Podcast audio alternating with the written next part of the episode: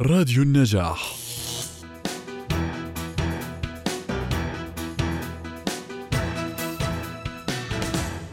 أكدت دراسة هولندية حديثة على أن الاستماع إلى موسيقى مبهجة أثناء العمل قد يحفز طريقة مغايرة من التفكير متصلة بالابتكار وحل المشكلات.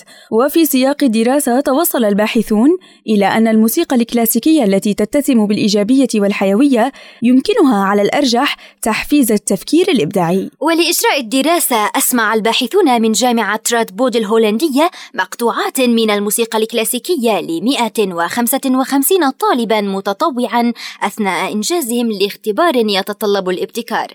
وقسم الباحثون الطلبة لخمس مجموعات لم تستمع إحداها لأي موسيقى فيما استمعت المجموعات الأربعة الباقية لأربع مقطوعات موسيقية قبل وخلال إنجاز الاختبار.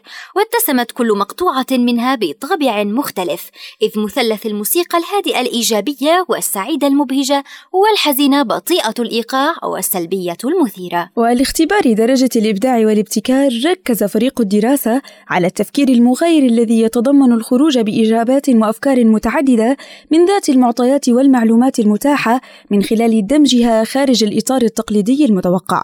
ولتحقيق ذلك طلب الباحثون من المتطوعين ذكر أكبر عدد من الاستخدامات المبتكرة الممكنة لقالب من الطب.